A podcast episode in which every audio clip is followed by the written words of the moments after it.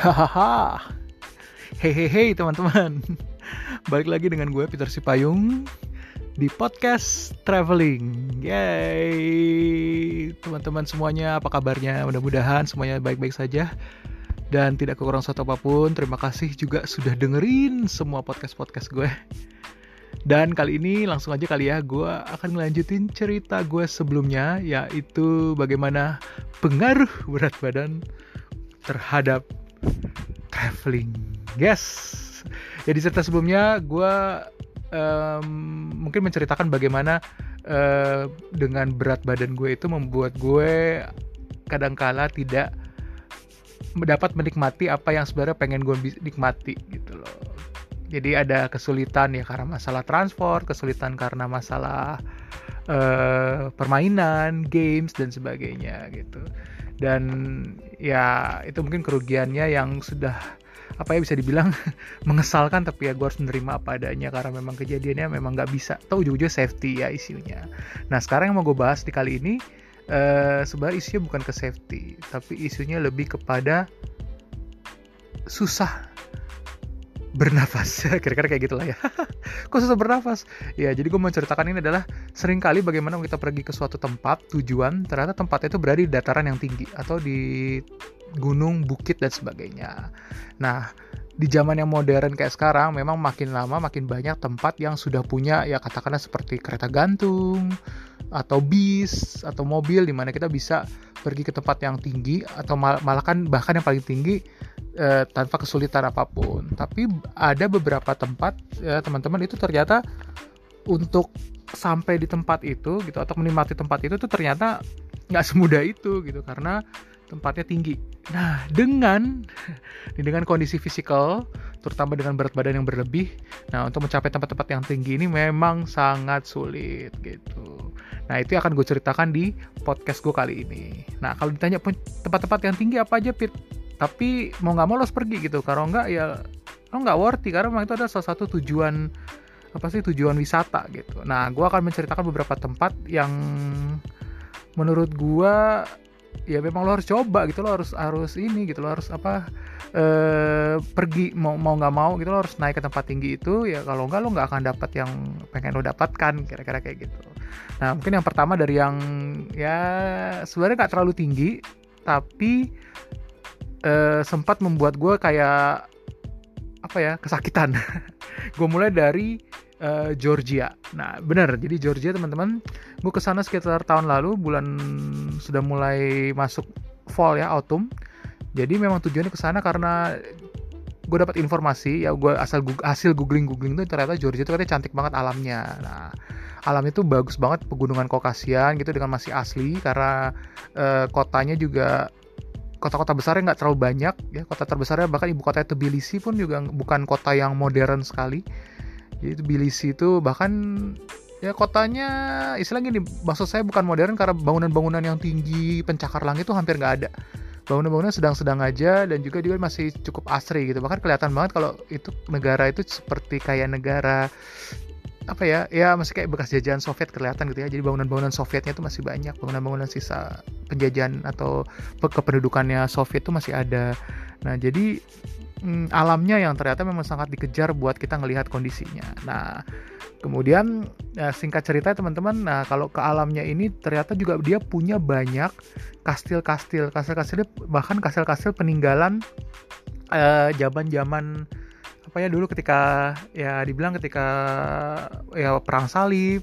Jadi kayak ketika ada dulu eh, apa namanya perang ya perang salib teman-teman tahu ya itu perang yang memperebutkan Konstantinopel atau Istanbul sekarang ini gitu. Nah mungkin waktu itu banyak yang kabur atau banyak yang apa namanya belum sampai. Mereka buat-buat sebelum sampai ke Turki mereka tuh di apa namanya berada di Georgia gitu. Nanti dibangunlah kastil-kastil. Nah kastil-kastil tuh sampai sekarang tuh banyak di daerah Georgia cuman sayangnya nggak dipelihara atau kurang terawat. Akibatnya eh bangunannya masih ada tapi kayak misalnya tangganya tuh jelek banget hancur bahkan cenderung berbahaya sebenarnya teman-teman.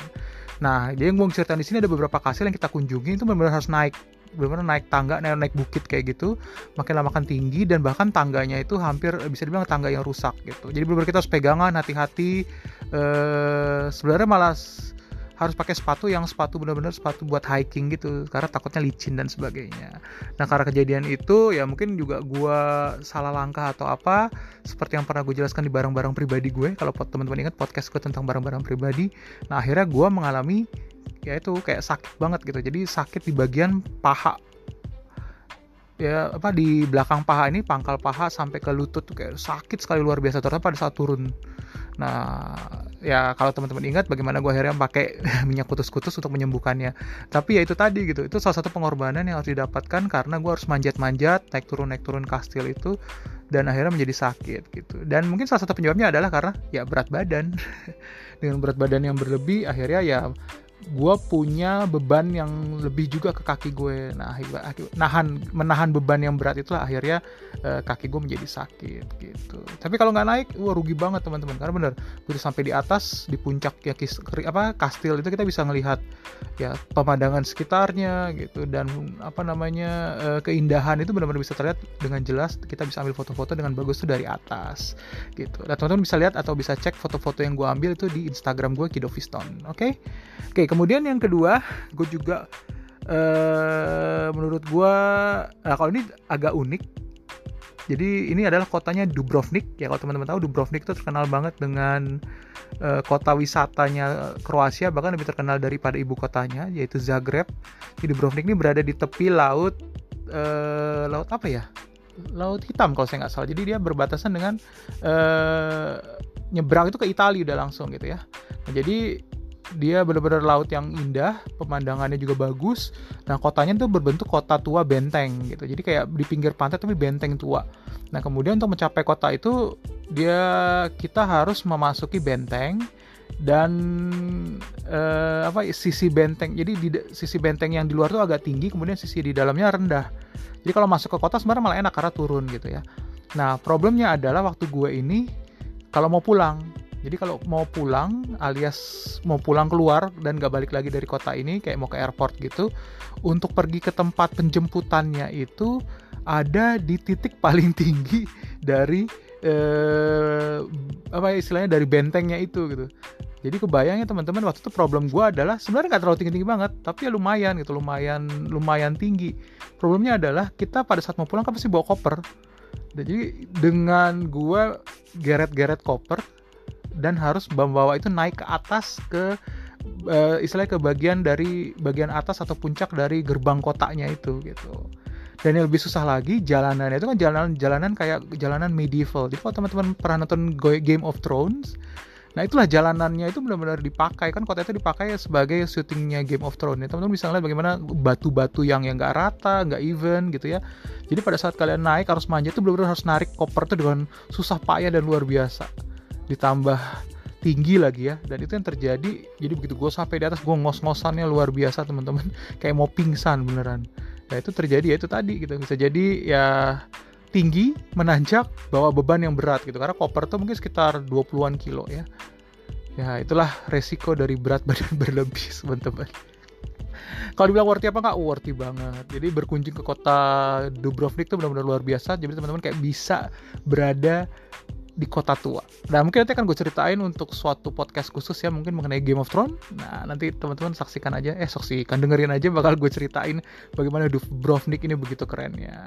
Oke kemudian yang next kota lagi yang juga gue menurut gue aduh luar biasa gue harus nanjak dan luar biasa pegel lelah dan capeknya tapi worthy banget akhirnya yaitu adalah Kyoto yes Kyoto Jepang jadi Kyoto Jepang ini ketika teman-teman mungkin tahu ya uh, siren siren apa tuh kuil yang terkenalnya itu ya yang ada gerbang warna apa istilahnya gerbang gapura warna orange yang susun-susun ke belakang nah itu biasa tempat ambil foto Ifumi Inari Nah, itu ternyata itu adalah bagian yang teman-teman suka pada ngeliat orang ambil foto atau Instagram Instagramable foto banget tempatnya. Itu adalah bagian depan. Nah kalau teman tahu makin lama makin ke belakang itu ada bukit. Jadi bisa milih teman-teman tuh nggak usah naik sih gitu. Tapi kalau teman-teman nggak naik itu sayang banget karena kalau kita naik ke atas itu, itu kita bisa ngeliat pemandangan kota Kyoto. Terutama kalau pas, pada saat mau sunset itu bagus banget luar biasa. Nah jadi waktu itu gue pergi waktu itu untuk yang kedua kalinya yang pertama malah gue nggak pergi karena gue tahu tuh gue masuk mau manjat nah yang pas kedua kalinya gue manjat ya, hasilnya gue naik ke atas gue hiking hikingnya sebenarnya mudah karena jalannya tuh bagus bat apa lebih ke berupa tangga-tangga jadi bukan bukan menanjak gitu ya bukan bukan tanah gitu tapi uh, di tangga-tangga sudah tangga-tangga tersusun dengan bagus tapi memang tinggi banget teman-teman. Dan ya ujung-ujungnya benar-benar luar biasa dengan berat badan yang berlebih dari gue ini naiknya itu benar-benar yang gitu dari lelah banget tapi ya itu tadi teman-teman. Worthy worthy banget berharga sekali. Pokoknya gue gak nyesel banget gue menaik itu karena akhirnya gue bisa mencapai titik tinggi dan bisa melihat uh, kota Kyoto dari atas. Kalau dia bilang kan ada juga tuh yang dari uh, tempel yang lain kuil yang lain. Ya ada tapi sisinya beda gitu. Ini sisi dari sisi yang kalau nggak kalau gue nggak salah ya itu dari sisi selatan gitu. Jadi lebih cantik katanya. Karena dan eh bukan satan sorry. Itu kalau nggak dari sisi tenggara timur tenggara ya. Jadi karena kita dari timur tenggara jadi kita bisa ngelihat matahari terbenam tuh dengan cantik di barat kayak gitulah. Itu yang bikin uh, wajib banget teman-teman kalau sampai di siren ini. Siren siren kuil lah ya pokoknya kuil. Itu di Ifumi Inari itu teman-teman naik ke atas dan nikmatin pemandangannya.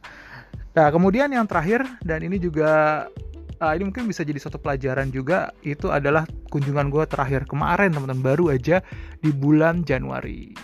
Ya di bulan Januari 2020 gue dapat kesempatan untuk berlibur ke negara paling bahagia di dunia yaitu no Bhutan. Yes.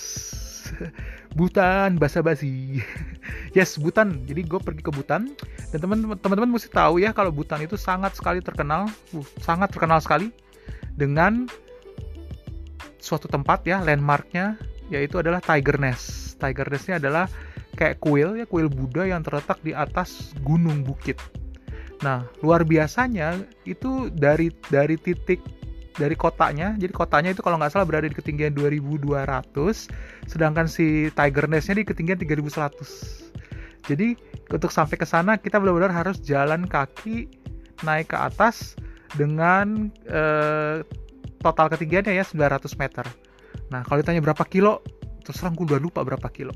Nah, jadi waktu itu gue pergi, ini kita berangkat pagi-pagi, gue inget banget kita naik itu sekitar jam 7, uh, eh, dan nanti baru balik lagi sekitar jam 5 sore. Nah, teman-teman tuh benar-benar naiknya luar biasa. Uh, nah, ini thanks God sebenarnya ya, karena ketika naik, gue bisa naik kuda atau kayak keledai gitu ya. Kuda keledai kuda keledai apa kuda ya? Ya pokoknya kuda yang sebenarnya kuda sih kuda kuda yang tapi nggak terlalu gede-gede juga. Kudanya bisa dibilang kuda kecil jadi sebenarnya mungkin keledai yang besar atau kuda yang kecil lah ya.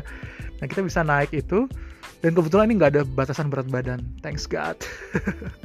Jadi uh, eh, gue naik kira-kira sampai di tengah-tengah di tengah-tengah baru jalan kaki ke atas. Nah itu yang luar biasanya dan itu pertama kali gue naik kuda. Yes akhirnya setelah Bromo gue berhasil naik kuda. Dan kudanya ini itu luar biasa mengerikannya buat gue perjalanannya karena benar-benar jalanannya itu jelek jadi nggak diatur. Benar-benar masih alami kayak hiking. Jadi kudanya itu berjalan benar-benar di pinggir jurang dan gue asli luar biasa ngeri dan takutnya tapi si kebetulan yang punya kudanya tuh dia selalu bilang tenang aja gitu. Kamu nggak usah takut gitu. Nggak usah takut tenang aja. Yang penting kamu merapatkan apa sih kayak menjepit kudanya tuh dengan benar. Jangan sampai kamu nggak jepit nanti takutnya merosot ke kiri atau ke kanan gitu terus juga kalau naik gue harus uh, nunduk ke depan. Kalau misalnya jalannya agak menurun gue harus ke belakang gitu. Men, apa men, menidurkan badan gue seperti itu. Itu itu triknya cuma kayak gitu aja dia bilang itu tapi itu memang wow luar biasa. Jadi ya begitu waktu naik kuda tuh kayak aduh gila ya serem banget gitu dan gue malah hampir nggak bisa menikmati pemandangan karena gue sibuk dengan bagaimana menjaga keseimbangan gue dengan si kuda ini gitu teman-teman. Nah tapi begitu sampai di pertengahan kita nyampe kayak ada tempat buat istirahat dan makan, kita istirahat dan makan baru lanjut lagi ke atas itu kira-kira masih setengah perjalanan lagi dan itu teman-teman luar biasanya. Nah yang mau gue ceritain di sini bagaimana uh, waktu itu kita pergi sekitar ber ah gue lupa bersepuluh ya kalau nggak salah kemudian ada guide-nya dua orang. Ini guide gue nya keren banget luar biasa. Mereka memang ya namanya juga orang Butan sudah terbiasa naik turun cepat sekali. Tapi akhirnya ada satu guide-nya yang cowok. Jadi guide kita kan dua kakak adik sepupuan sebenarnya ya. Cewek dan cowok yang cewek duluan sama teman-teman gue. Sedangkan gue akhirnya berdua dengan uh, teman gue juga uh, cewek. Dan kita ditemenin sama uh, yang guide kita yang cowok. Dan itu gue inget banget ya sepanjang perjalanan itu gue sebenarnya udah mau menyerah teman-teman. Asli susah banget. Itu benar perjalanan luar biasa udah gitu juga berpasir berdebu jalanannya juga jelek. Gue pakai tongkat. Gue kebetulan bawa tongkat tongkat apa kayak tongkat hiking gitu. Itu gue beberapa kali udah mau udah mau menyerah gitu gue. Tapi selalu ya eh, guide gue ini bilang oke okay, tenang aja no problem gitu. Jadi gue diajarin juga teknik untuk ngambil nafas gimana gitu. Jadi bagaimana nafas yang dalam ketika melangkah. Jadi eh, apa mengeluarkan nafas menghela nafas pada saat melangkah gitu. Jadi benar-benar bertahap pelan pelan pelan pelan dan benar teman-teman akhirnya gue nyampe juga sampai di atas. Jadi gue yang tadi agak meragukan bagaimana gue sanggup atau tidak ternyata gue berhasil dong teman-teman sanggup. Jadi memang sometimes kita suka meragukan diri kita sendiri. Itu pelajaran yang gue dapat. Tapi ketika kita mau sesuatu ya mau mencapai suatu tujuan ujung-ujungnya kalau kita berusaha kita bisa kok gitu. Jadi ya itu tadi. Mungkin bisa jadi gue selama ini memaklumi kondisi gue gitu ya. Gue memaklumi kondisi gue. Ah kan gede gue kan gendut gitu ya. Gue kan besar badannya. Jadi ya nanti daripada sakit daripada nanti begini daripada begini gitu. Udahlah gue sampai sini aja. Ini udah cukup gitu. Jadi gue istilahnya gue kadang selalu puas diri. Gue merasa bahwa apa yang gue punya itu udah cukup gitu. Padahal gue bisa dapat yang lebih gitu. Dan itu hanya sebenarnya permainan yaitu tadi pola pikir teman-teman. Nah di situ gue belajar bahwa actually kalau gue berani untuk lebih mencoba lagi nggak perlu ragu ya gue bisa kok mendapatkan apa yang gue inginkan dan akhirnya gue sampai gitu di ke Tiger Nest dan bisa mendapatkan pemandangan yang begitu indah dari dekat dari Tiger Nest ini gitu. Itulah luar biasanya ya itu pola pikir tadi teman-teman. Itulah pelajaran yang bisa gue dapat. Jadi ujung-ujungnya oke okay, you may be big you may be super size gitu ya. Tapi ya itu tidak tidak apa istilahnya tidak membuat lo menjadi ya tidak bisa mencapai apa yang lo inginkan gitu terutama dari segi traveling. Ya mudah-mudahan itu bisa menginspirasi sedikit teman-teman. Jadi kalau teman-teman mungkin waduh gue kan begini nggak mungkin gue kan begini. Nah kalau teman-teman mau teman-teman punya keinginan yang besar why not gitu loh. Selama kita berjuang di jalan yang benar kita positif ya tidak melakukan hal-hal yang aneh gitu untuk mencapai tujuan kita serahkan semua kepada yang di atas gue rasa gak ada masalah kok. Buktinya gue sampai juga di atas. Dan begitu turun memang badan pegel-pegel sakit gitu. Tapi ya indahnya itu kayak ter apa ya terkalahkan dengan ya keberhasilan busana udah sampai ke atas gitu. Gue aja nggak nyangka gue ternyata bisa sampai ke atas naik ke Tiger Nest gitu. Jadi kalau gue aja bisa dengan berat badan seperti ini apalagi teman-teman yang kondisinya normal. Berat badan normal maksudnya gitu aja. Sip mudah-mudahan teman-teman senang dengar cerita gue kali ini. Thank you udah dengerin dan bye bye sampai jumpa next podcast